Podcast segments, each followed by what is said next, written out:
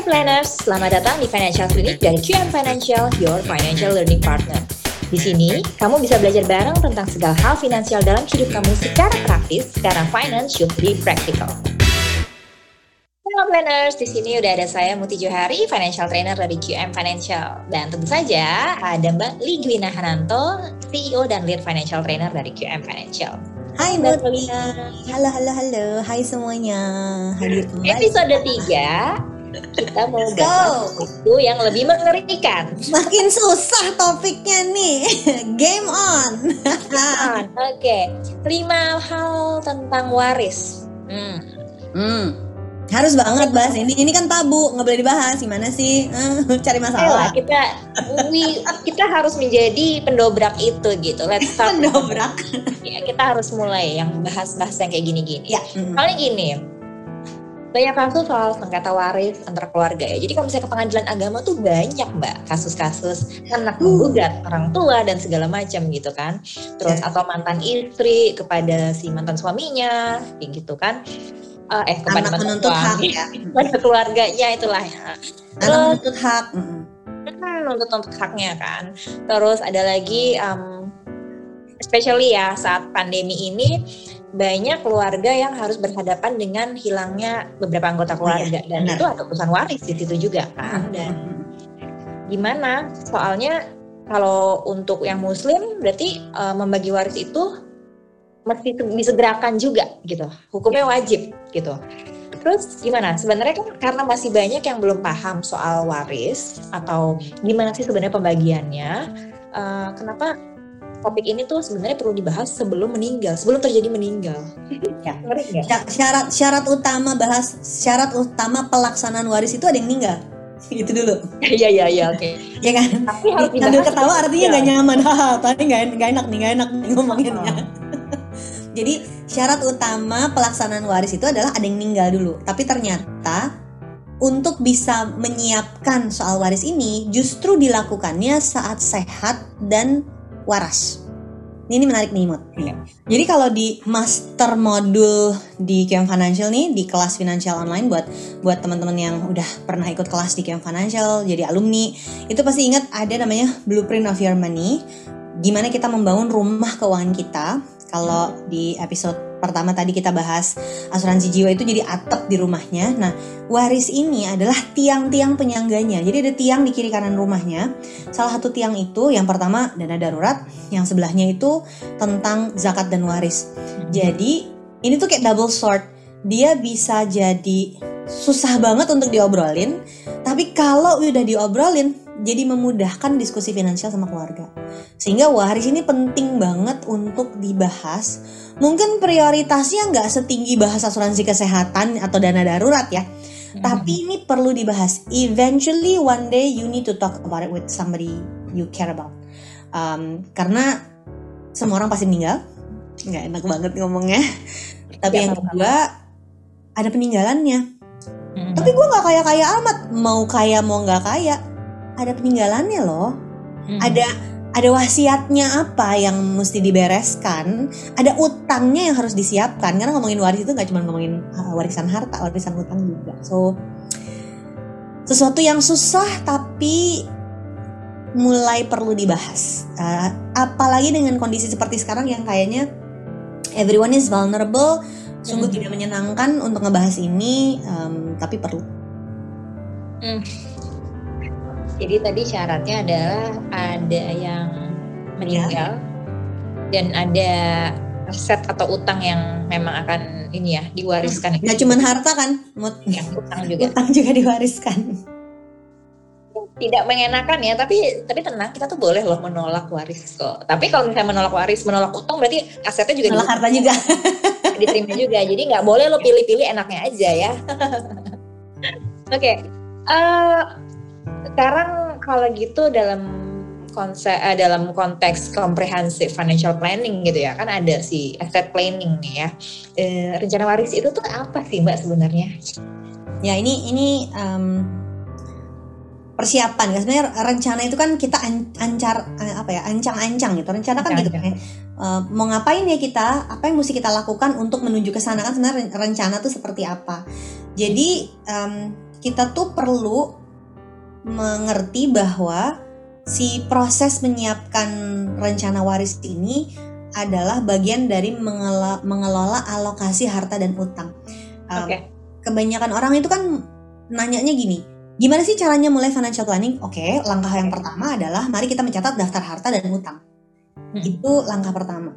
Kalau udah lebih maju lagi ke depan, ngomongin waris itu adalah soal harta dan utang ini mau dikemanain. Karena hidup kita itu ada batas, ada expiry date-nya gitu. Jadi Ya. saat kita sedang hidup dan produktif, kita akan punya harta dan utang. Dan saat kita udah nggak ada, harta dan utang itu mau diapain? Jangan berpikir ini hanya untuk orang yang high net worth individual punya cash di atas 5 miliar, enggak. Punya Hmm. rumah harganya 15 miliar, enggak. Yang seperti itu udah pasti perlu. Tapi ternyata bahkan yang baru mulai kerja, itu juga perlu tahu. Contoh gampangnya gini deh. Lebih dari 10 tahun yang lalu, Hmm. gue punya seorang teman yang meninggal di usia 30-an. Masih muda jadi kan ya. Iya. Terus sakit ya mbak. sakit. Nah, jadi pada suatu hari dia jatuh dari tempat tidur langsung nggak ada gitu. Itu benar-benar buat kita semuanya shock sampai satu geng itu dipanggil dan semua saling ngingetin nggak usah kerja keras sampai lupa diri terus badan lu sakit sampai ngingetin ke masing-masing tuh kayak gitu. Dan datang ke rumahnya buat pemakaman tuh gue masih nih prank nih prank nih nih dia abis ini keluar nih dari dari pintu terus ngetawain kita gitu. Sampai mikir tuh masih gitu. Ini tuh temen temen zaman kuliah dulu yang eh, waktu naksir naksiran sama suami ya gue nanyain laki gue ke dia laki gue nanyain gue ke dia terus karena dia naksir gue dia nggak ngomong gitu jadi orangnya tuh yang kita deket gitu kan sama kita kan jadi it means a lot to us gitu kan jadi waktu Iya, dia nggak ada tuh kita nggak mungkin dia nggak ada tapi Heeh. satu yang tadi ketika orang meninggal itu orang kita semuanya sedih tapi jangan sampai urusan keuangan ini ikut tambah pusing gitu kan dan Ah. ternyata waktu itu Iya. eh, istrinya itu sampai gini gue tuh nggak tahu loh dia punya kartu kredit di mana aja. Mereka newlyweds lagi kan jadi informasi tuh belum lengkap eh, tapi Iya. jangan salah yang newlyweds belum lengkap yang udah nikah 20 tahun juga mungkin nggak lengkap informasinya gitu. Gue tuh nggak tahu asuransi eh, asuransinya dia apa. Gue tuh nggak ini sering ngomong gitu gue tuh nggak tahu kartu kreditnya dia apa aja. Dan gue tahu sih dia punya rekening di bank mana tapi kan gue nggak tahu pinnya mereka nggak punya Tahu ya? rumah mereka mereka masih kos. Jadi kalau ada yang berkomentar eh, ah gue mah nggak- baru mulai nggak nggak nggak punya harta apa-apa. Bukan soal itu tapi tetap kan lu punya rekening itu harus diberesin gitu loh. Iya. jangan sampai kartu kredit lo kemudian em, Tetap kita ada yang belum lunas gitu dan dan karena nggak tahu kartu kreditnya ada di mana jadi kadang-kadang si urusan waris ini bukan cuma soal ada asetnya yang harus kita uh, beresin tapi sesederhana ada rekeningnya di mana aja harus ditutup gitu ada utangnya di mana aja yang harus dideklar ada ada proses surat kematian yang harus diurus untuk kemudian dipakai em, ke provider perusahaan keuangan ini untuk ngurusin uh, aset dan harta dan utang kita. Ini ini Hmm. satu contoh yang mungkin agak ekstrim tapi supaya kita bisa berpikir berhenti berpikir bahwa waris itu hanya untuk orang yang kaya banget dan punya aset di mana-mana. Enggak ternyata. Memang harus diobrolin ya. Maksudnya oke tadi pasangan suami istri newlyweds lah katakanlah. Mungkin kayak Iya. ih siapa suruh kok belum sebelum nikah bukannya diobrolin punya apa-apa aja ya kan nggak nggak nggak selalu seperti itu ya orang Ternyata, uh-uh. terus terus ada bedanya antara wasiat sama hibah.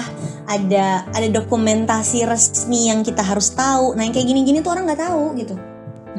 Iya karena wasiat itu dan hibah adalah bagian dari Hal yang berbeda. Ah, bagian dari rencana waris. Eh, Muti kan pernah ikut ya em, kelas di em, Irma Devita Learning Center ya. Pernah, itu pernah. ngebahas waris spesifik eh, dengan latar belakang notaris ya Mut ya eh, ilmunya ya. Jadi itu bahasannya ya soal hukumnya juga, soal ada ada yang ada yang emang expert di bidang syariahnya juga sih. Jadi kayak waris Islamnya tuh di, dibahas detail banget juga sih waktu itu. Dokumentasi legal ya, dokumentasi legal ya Mut yang yang eh, kita nggak tahu kan kita bukan orang legal gitu. Mhm. Mana tahu dokumentasi legal apa aja yang dibutuhin. Nah ini ini kayaknya yang um, kalau ditanya kenapa perlu bikin rencana waris, apa itu rencana waris ya? Gitu. Ya karena tadi ya uh, urusan apa urusan tadi punya rekening di mana aja harus ditutup dan segala macam itu itu kan tetap aja prosesnya adalah si ahli waris ini keluarga yang ditinggalkan ini mesti ke notaris bikin akta siapa aja ahli warisnya hmm. baru bisa ke bank ahli waris buset itu ada akta ahli waris buset deh nah itu lah ya I've been there I've been there pernah hmm. pernah ngurus kayak gituan oke okay. Uh, dan apalagi ya kita kalau misalnya ngebahas soal uh, rencana waris dan segala macam, kenapa sih sebenarnya perlu membuat rencana waris? Uh, nomor satu biar nggak berantem ya sama keluarga.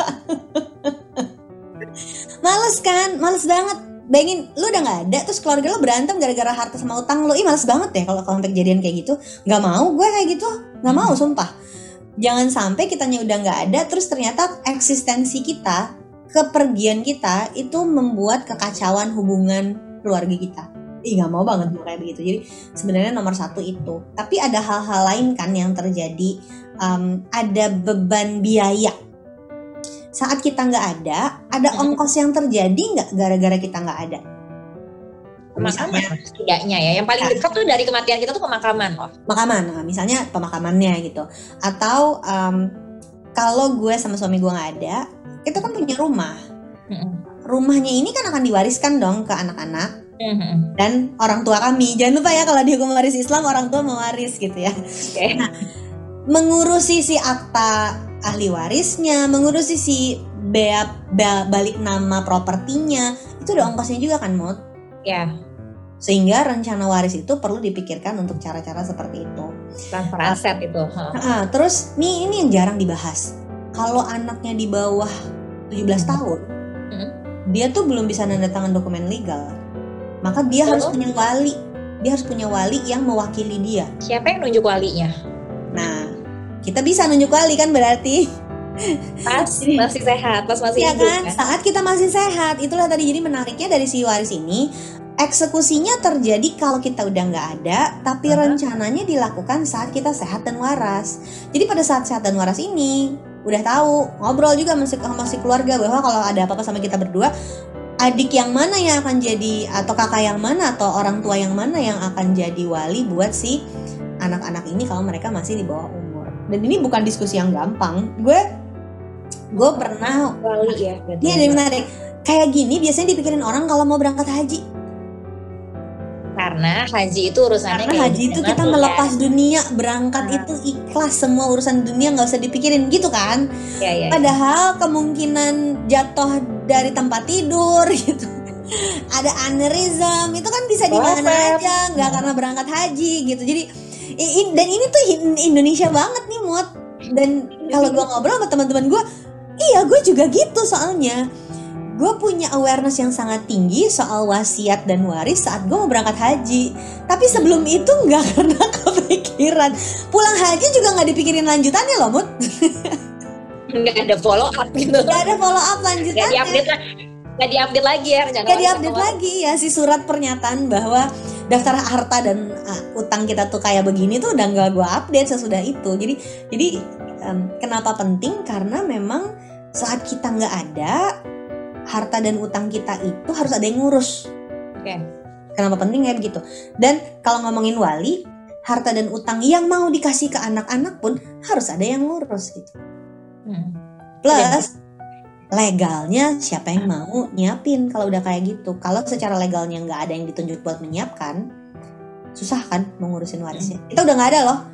Lagi masih ada kan bisa bilang, aku maunya begini, aku mau begini bisa gitu kan. Tapi begitu kita udah nggak ada, berarti orang-orang yang kita tinggal ini yang harus berjibaku sendiri mengurusi. Jadi selalu ingat bahwa urusan waris ini bukan soal wah dapat harta, bukan. Kita eh, nyiapin, bukan.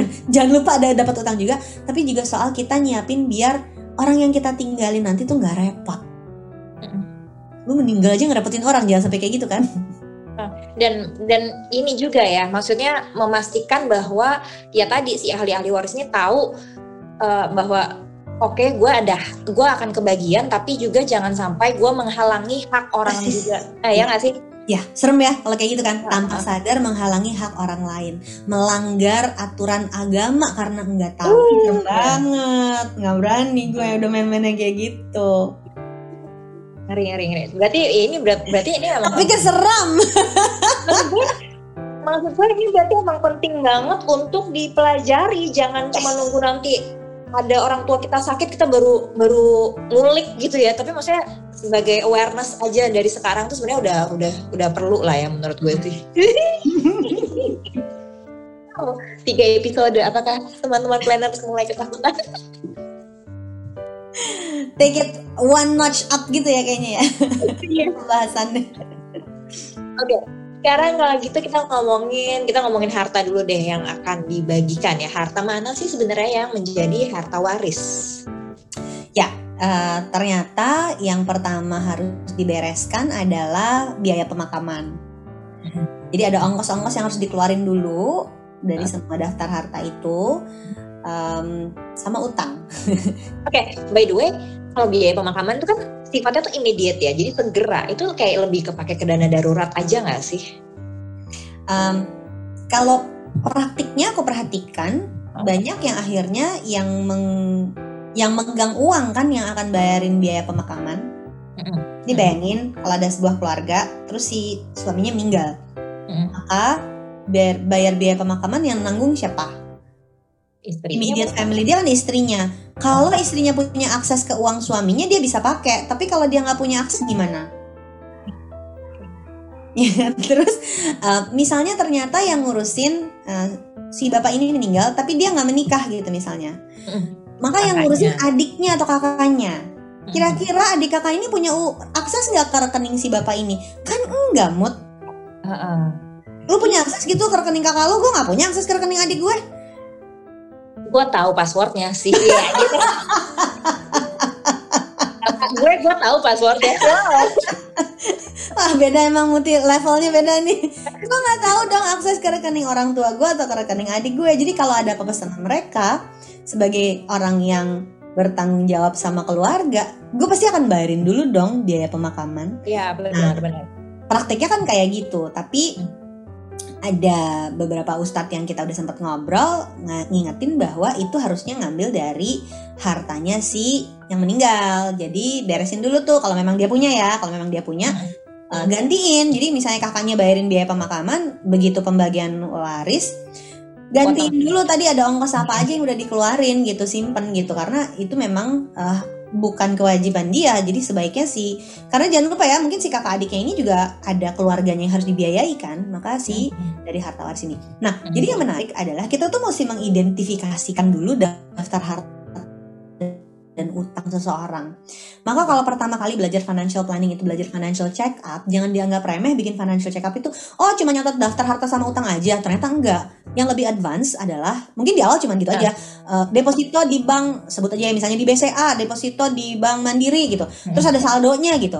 Kalau di awal memang cuma gitu, tapi kalau udah lebih advance yang udah lebih paham tentang waris, dia akan sampai tulis yang di BCA atas nama siapa, cabang mana, nomor rekeningnya gimana, Ya. sehingga dengan pasangannya tuh saling tahu kamu tuh rekeningnya ada di mana dan aksesnya gimana. Karena kalau ada apa-apa emergency atau ada meninggal, kita bisa urusin. Nah, si pembagian ini kemudian yang akhirnya mesti kita cek dan perhatiin status kepemilikannya. Nah, udah makin seru deh kalau udah ngomongin pemilikannya nggak sih?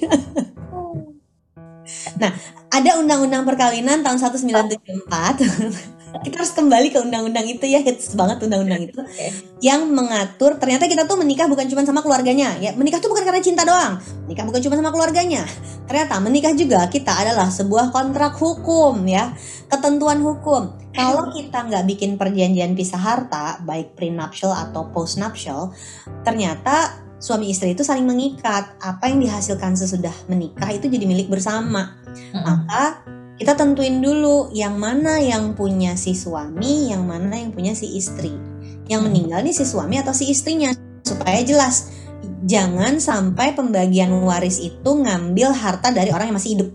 Ah, iya iya betul. Ini yang paling penting kayaknya Mut. Karena ngomongin waris nggak bisa jauh-jauh dari yang bikin berantem itu bukan hukum warisnya kan hukum warisnya jelas Mm. porsi berapa yang dibagi, siapa yang harus dibagi itu jelas. Yang bikin berantem itu punya siapa sih sebenarnya tanah itu? Rumah itu atas nama siapa? punya siapa sih sebenarnya nah yang kayak gini nih yang akhirnya oh iya kan hidupnya sama-sama bagi dua dulu yuk. Kan kita ngikutin undang-undang itu bagi dua dulu yuk. Kayak gitu. Uh. tapi ada juga yang enggak dia nggak pernah ngasih nafkah gue yang bayar semuanya enak aja bagi dua. Berantem dulu deh. Udah nikah nggak bisa berantem. Udah udah meninggal mah nggak bisa berantem. Udah meninggal. Hmm. Heeh. yang yang udah meninggalnya nggak bisa diajak berantem si ahli warisnya yang akan berantem. Nggak mau dong kita ninggalin berantem kayak gitu. Jadi langkah mengidentifikasikan yang mana harta waris ini ini crucial banget sebelum pelaksanaan warisnya. Jadi jangan sampai salah. Tanah atas nama ibunya. Padahal sebetulnya waktu bapak meninggal, tanah itu udah diwariskan buat si adek misalnya gitu. Aduh. Waktu ibunya meninggal, surat tanahnya masih atas nama ibu. Hmm. Gimana ngurusnya? Jadi harusnya waktu masih hidup tanahnya langsung DP. Ah, nah yang kayak gini-gini nih yang yang lebih sering berantem itu gara-gara yang kayak gini-gini dibandingkan oke kita ngikutin hukum waris Islam baiklah gitu kan gitu. Jadi ini yang yang menurut gua kitanya harus lebih hati-hati karena ternyata harus jelas tercatat dan transparan urusan waris ini. Iya atau Jangan kayak atau kayak gini ya apa dulu waktu masih hidup sih udah dibicarain ya kakak adik semuanya setuju tapi kan gak ada ceritanya ketika si ayah meninggal nggak ada suratnya, nggak ada dokumen legalnya. ya ya ya terus kemudian berubah pikiran ah enggak dulu tuh sebenarnya aku nggak terlalu setuju waduh Terus ke pengadilan, siapa yang menang kira-kira? Yang pegang surat legal kan? iya Makanya daftar kejelasan harta dan utang itu jadi penting banget. Hmm. Dan ya udah berarti tadi harta hartanya yang tersisa, eh harta yang ada, eh, harta warisnya, terus Kurangin biaya. dikurangin dikurangin utang ya pertama ya utang, biaya pemakaman. Eh, kalau ada wasiat loh, jangan lupa loh. Kalau misalnya dia yang punya wasiat ya, seperti maksimal sepertiga dari harta warisnya kan? Jadi banyak yang harus diperiksa kan? Banyak. Yang harus diperiksa tuh banyak banget. Jadi nanti ujung-ujungnya ternyata harta warisnya tuh cuma dikit bisa aja kayak gitu ya. Terus ngapain kita berantem selama ini? Nanti gitu. Gini loh, terus juga eh, gitu. Aduh. Gokil. Parah ngeri tapi kok bisa kita ketawain sih. Ketawa tuh artinya udah gak nyaman ngomongin ini Mut. Artinya siap-siap aja gitu ya. Oke. Eh, pertanyaan selanjutnya kalau gitu. Tadi udah ada yang meninggal, udah ada hartanya. Lalu siapa yang menjadi ahli waris? Nah, Apakah ini otomatis dalam keluarga itu langsung oh semuanya langsung dibagi rata atau gimana gitu? lo- logikanya kan pasangannya dong harus dapat ya. Ya. Anak-anaknya dong harus dapat ya. Kan juga tadi ngomongin yang pasangan-pasangan mulu. Oh ya maaf maaf. Hmm. Kalau belum berpasangan gimana gitu ya? Kan dibahas juga ya. Siapa yang mau dapat gitu? Jadi ternyata ahli waris itu tergantung hukum warisnya. Oke. Hukum waris itu ada tiga, ada hukum waris barat yang berlaku dari zaman Belanda. Sekarang itu digunakannya untuk yang beragama bukan Islam. Iya. Karena yang beragama Islam akan mengikuti hukum waris Islam. Hmm. Ada satu lagi yang ketiga adalah hukum waris adat. Hukum waris Oh. adat ad- itu tergantung dia ngikutin adat mana dan semuanya biasanya itu di bawah tangan gitu ya. Tapi kesepakatan adat, kesepakatan kerabat menyetujui, oke semuanya melaksanakan. Contohnya yang Iya. paling gampang adalah orang Minangkabau yang rumah gadangnya tanah nenek mama itu diturunkan berdasarkan garis ibu. Nggak akan ada berantem itu karena mereka ngikutin sesuai adat gitu. Ada yang berani Atau- gampang. ya kan? Nggak ada yang berani menggugat gitu. Eh, nggak tahu ya nggak tahu ya tapi kan kesepakatan adatnya begitu ya semua ngikutin selama semua Iya. masih mengakui hukum adatnya yang lain contohnya mungkin em, keris-keris dan pusaka keluarga. Nih kalau yang orang-orang Jawa nih masih masih pada nyimpen nih. Enggak enggak ada menyan-menyan atau tiba-tiba kerisnya gerak di eh, lemari gitu. Bukan bukan itu maksudku. Tapi em, di keluarga bokap gue misalnya em, eh, senjata pusaka dari zaman dahulu kala nih yang turun temurun itu dibagikannya adatnya diberikan kepada anak laki-laki keturunan laki-laki sampai ada sepupu bokap gue tinggal di Surabaya minta bokap gue datang ke Surabaya untuk ngambil bawa ke Jakarta uh, Oh. keris dari uh, leluhurnya gitu karena mereka nggak punya keturunan laki-laki sampai gitu. Oh, iya sampai kayak gitu jadi gue juga oh seserius itu ya ternyata gitu. limpahan wak keris dari. Ah, nah Jadi berarti oke okay, kalau adat kan udah ya sendiri gitu. Berarti kan yang yang perlu kita pahami terutama dua hukum tadi ada hukum waris barat sama hukum waris Islam. Ternyata daftar ahli warisnya nggak sama. ya ini ini nanti kita bikin deh uh, satu episode khusus ngajak um, rekan kita ya uh, dari uh, Mbak Irma Devita dari Irma Devita Learning Center ngomongin hukumnya nanti perlu nih kita undang. Tapi uh, ada juga teman-teman di cari ustad.id ini juga banyak ustad-ustad dan ustazah yang punya pemahaman fikih yang jauh lebih banyak daripada gue gitu yang bisa kita tanya tentang ini. Tapi jadi um, buat ilustrasinya tuh gini kalau ada seorang bapak yang meninggal dan dia meninggalkan istri satu, anak laki-laki satu dan anak perempuan satu. Kalau mereka agamanya misalnya Kristen, Katolik, uh, bukan beragama Islam, maka pembagiannya akan mengikuti hukum waris barat di mana pembagiannya adalah untuk si istri dan anak laki-laki dan anak perempuan bagi sama rata sepertiga sepertiga sepertiga selesai. Tapi kalau dia beragama Islam, Beda kalau si bapak tadi beragama Islam, maka yang terima waris bukan cuma istri, bukan cuma anak laki-laki dan bukan cuma anak perempuan, orang tuanya si bapak ini juga terima. Kalau masih ada tapi kan? Kalau masih ada dengan komposisi si istri dapat lebih dikit. ini ini di podcast aja gue ketawa-ketawa tapi tadi siang gue meeting tentang kelas waris tuh yang oke okay, baik mulai tidak nyaman gitu ya tapi kan sekarang udah terbiasa maksudnya.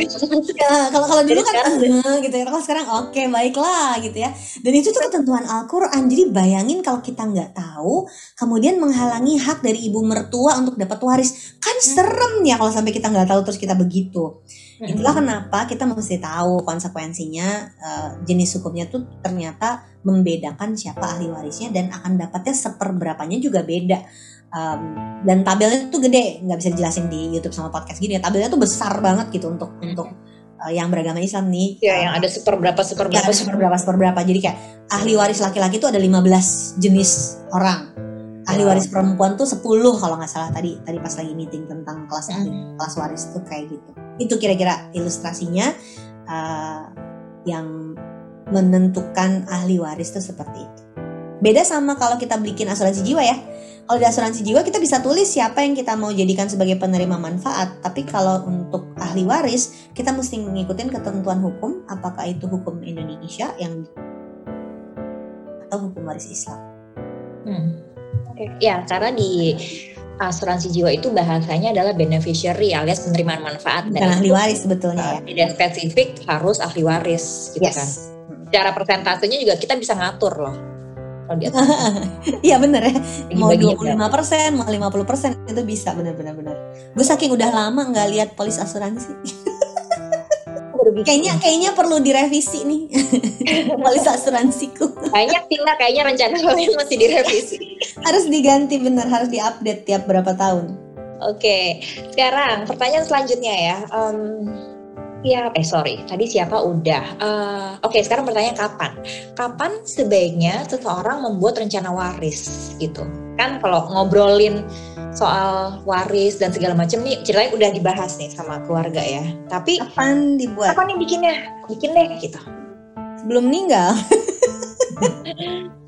kan, kapan? When? When is exactly gitu? Enggak. Um, segera sih Mut kalau menurutku um, sepenting itu menyiapkan karena kalau ada apa-apa masa kita udah di rumah sakit mau digerusuk-gerusuk ngurusin ya ya nggak sih soalnya nanti juga takutnya lagi tidak dalam keadaan wara apa waras ya sadar. ya logikanya ya kan uh, udah udah mulai fly karena lagi pakai obat uh, penahan sakit gitu. Masa oh. dia disuruh tanda tangan dokumen? Kan nggak nggak bagus dong masa kayak gitu mainnya? Nggak gitu dong. Atau uh, dibayangin kita ya nantilah bikin waris kalau gue umur 70 gitu kan dibayangan kita kan. Oh. padahal meninggal itu kan nggak lihat umur bisa kapan aja. Sehingga sebenarnya mesti menyiapkan gitu mesti um, kalau ada apa-apa sama kita kita mesti nah itu tadi bercandaan gue adalah banyak banget gue dan teman-teman itu nyiapin sebelum berangkat haji Oke, okay, kalau gitu gitu aja deh. Kapan menyiapkan satu sebelum berangkat haji gitu ya. Dua, saat lo memang sadar bahwa menyiapkan waris itu penting. Jadi harus sampai ke titik itu dulu kan. Oke, berarti abis podcast ini, oh gitu. Tanya dong, gue udah nyiapin apa belum? Udah nyiapin belum? Berarti yang dulu 10 tahun lalu abis naik abis naik haji itu belum diupdate, belum ada follow up lagi. Uh, dulu 10 tahun lalu itu anakku baru dua kan? Oh, iya. Kan 11 11 tahun berarti. 11 tahun yang lalu tuh anakku baru dua dan mereka semua dulu underage. Sekarang jadi uh, uh, walinya tuh adalah adik gue. Sekarang si anak yang paling besar itu udah kuliah. Dia udah dianggap mature age kan. Dia udah punya rekening sendiri, dia udah bisa nyetir, dia udah uh, bisa nyoblos, udah bisa traveling sendiri gitu kan. Nah, berarti dia sudah bisa jadi wali untuk adik-adiknya. Gue bahkan pernah um, kita traveling ke Australia, gue bertiga sama suami gue sama bungsu. Nah, si kakak-kakak ini suruh berangkat sendiri. Si yang nomor dua itu umurnya di bawah 16, dia nggak boleh traveling sendiri. Jadi si kakaknya itu harus si mas yang paling besar itu harus bikin surat pernyataan kalau mereka adik kakak dan menjadi wali dalam perjalanan sampai kayak gitu. Di situ kita baru kayak wake up call, hey ternyata si Mas ini memang sudah dalam usia menjadi wali buat adik-adiknya. Tapi yang kita suka lupa bukan cuma soal siap, sesudah itu ada proses legalnya yang harus disiapin, Mut. Jadi jadi kita juga baru sadar, kita baru sadar kalau ternyata sekarang anak yang paling besar ini udah bisa jadi wali buat adik-adiknya. Tanda tangannya dia tuh udah boleh berlaku gitu. Uh, sehingga um, sebenarnya ada lanjutannya. Uh, dan inilah kenapa gue dengan giat um, uh, bareng sama uh, Yasmin di product development Kiam untuk bikin kelas waris. Yuk karena gue juga mau belajar. Habis ini gue mesti ngapain gitu ya. Um, legalnya tuh mesti ngapain sih sampai sampai ada dua kan kelas kelasnya kelas waris di Kiam Financial sampai ada dua. Yang dari sisi legal dokumentasinya ke notaris tuh harus kayak apa karena kita nggak ngerti sama sekali nggak punya pengalamannya pun. Dan dari sisi agama Islam terutama harus ngapain? Karena ternyata uh, terutama yang agama Islam kan ada hukum waris Islamnya sendiri yang kita uh, perlu pahami. Um, terus ahli warisnya harus pada ngerti. Ahli warisku bukan cuma suami dan anak-anak, tapi orang tuaku juga. Ahli waris hmm. suamiku bukan cuma aku dan anak-anak, tapi ibunya juga, karena bapaknya udah nggak ada. Nah yang kayak gini-gini harus kita ketahui dan efeknya apa? Ada ada review-review rencana itu kan harus diupdate ya, makanya kayak terakhir ngomongin waris dan wasiat itu 11 tahun yang lalu pas mau berangkat haji. Ya harusnya sih tiap lima tahun dong harus diupdate karena kondisinya udah berubah kan. Dan gue sudah dewasa. Ya anak gue toto udah dewasa gitu. Um, satu yang akan mengubah status itu pernikahan. Masih menikah nggak? Atau udah nggak menikah gitu kan? Atau nikah kembali gitu. Misalnya ada temen hmm. gue yang second marriage, urusan warisnya berubah dong ketika dia udah second marriage terus hmm. ada anak tambah apa enggak gitu obviously 11 tahun yang lalu anak gue baru dua gitu sekarang yeah. anak gue ada tiga berarti kan si anak ketiga ini mungkin di dalam daftar itu belum ada mood terus uh. um, ada ada kematian nggak di antara keluarga yang 11 tahun lalu uh, ada di dalam catatannya terus perubahan aset ya udah pasti dong ya 11 tahun mah aset yeah, pasti tahun ada. rumah gue aja beda sekarang. Ya. uh, pindah ke area yang hukum warisnya berbeda atau enggak perubahan hukum pajak sama perubahan hukum waris yang berlaku. Hal, -hal kayak gini menurut gue sih emang nggak bisa dibahas sendirian ya. Kita butuh bantuan kalau dari sisi agama sama ulama yang memang kita ikuti dan ngerti fikihnya. Kalau dari sisi hukum ya sama uh, ahli hukum yang memang ngerti dan kita uh, ngobrol sama dia cocok buat ngebahas detailnya. Dokumen hukum ini suka dianggap remeh soalnya oleh kebanyakan orang Indonesia ya boro-boro ya mau bikin financial check up daftar harta utama aja kita anggap remeh gitu ya ah, boro-boro mau ngomongin uh, dokumen hukum padahal dokumen hukum ini um, penting untuk kehidupan yang lebih baik kan karena kejelasan status itu dapatnya dari dokumen hukum. Iya dan buat beberapa orang yang mungkin high net worth uh, ini people mereka punya accountant sendiri kan ya untuk urusan nah, begini juga ya. Jadi menariknya kalau high net worth individuals, mereka udah punya lawyer sendiri, mereka ah. punya referensi accounting sendiri, sampai beberapa keluarga itu kan punya family office yang memang ngurusin. Yang masalah tuh ya orang-orang kayak kita yang um, upper middle class enggak, ya kan? Tapi dibilang hidupnya merana juga enggak. Nah yang kayak gini nih yang malahan uh, awarenessnya rendah, um, pencatatan hukumnya juga nggak jelas. Justru kita yang rentan pada masalah dengan waris tadi. Nah, makanya diskusi tentang waris ini um, memang baru belakangan ini sih mulai kita bahas uh, tidak karena pandemi aja sih sebenarnya. Kita udah bahas ini udah cukup lama ya Mut ya, tapi jadi semakin relevan ketika memang kenyataannya sekarang kita banyak sekali berhadapan sama um, berita duka yang akhirnya jadi lebih duka lagi karena sesudah itu kan gak siap keluarganya harus mengurusi waris. Betul, betul, betul. Ya, semoga ini ya, semoga ilmu yang didapat hari ini juga ya di debat kali ini ini ya bisa bisa bermanfaat lah ya setidaknya menimbulkan awareness tersendiri -hmm. buat teman-teman planners di sini.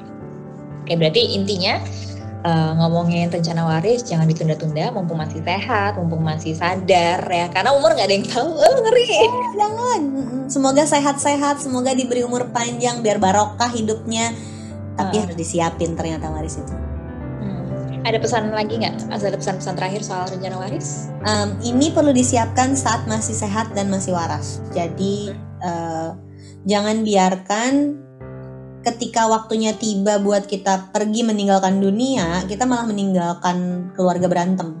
Jangan hmm. dibiarkan itu terjadi. Kalaupun belum detail sampai ke kelengkapan dokumen hukumnya, paling tidak daftar harta sama utangnya jelas dulu aja, Mut, ya nggak sih? Ya. Sehingga kalau ada apa-apa keluarga tuh bisa ngakses rekening gue gitu ya kan. Sehingga ya. emergency kalau gue nggak ada tabungan gue bisa diambil sama suami gue atau anak gue sehingga mereka bisa mengurus hidup mereka gitu loh minimum ya nggak ngerepotin walaupun mungkin belum sampai detail urusan warisnya sampai kayak apa ada ada dokumen-dokumen yang disiapin walaupun belum sampai ke situ paling nggak daftar hartanya jelas dulu sehingga kalau ada apa-apa tuh keluarga mengurusnya lebih mudah. Hmm. Ya minimal suami dan istri tahu lah dia punya rekening di mana aja gitu ya. Mm-mm, punya aksesnya dan uh, itu nanti bisa jadi bahasan terpisah lagi sih akses sama dana daruratnya yang penting. Oke. Okay.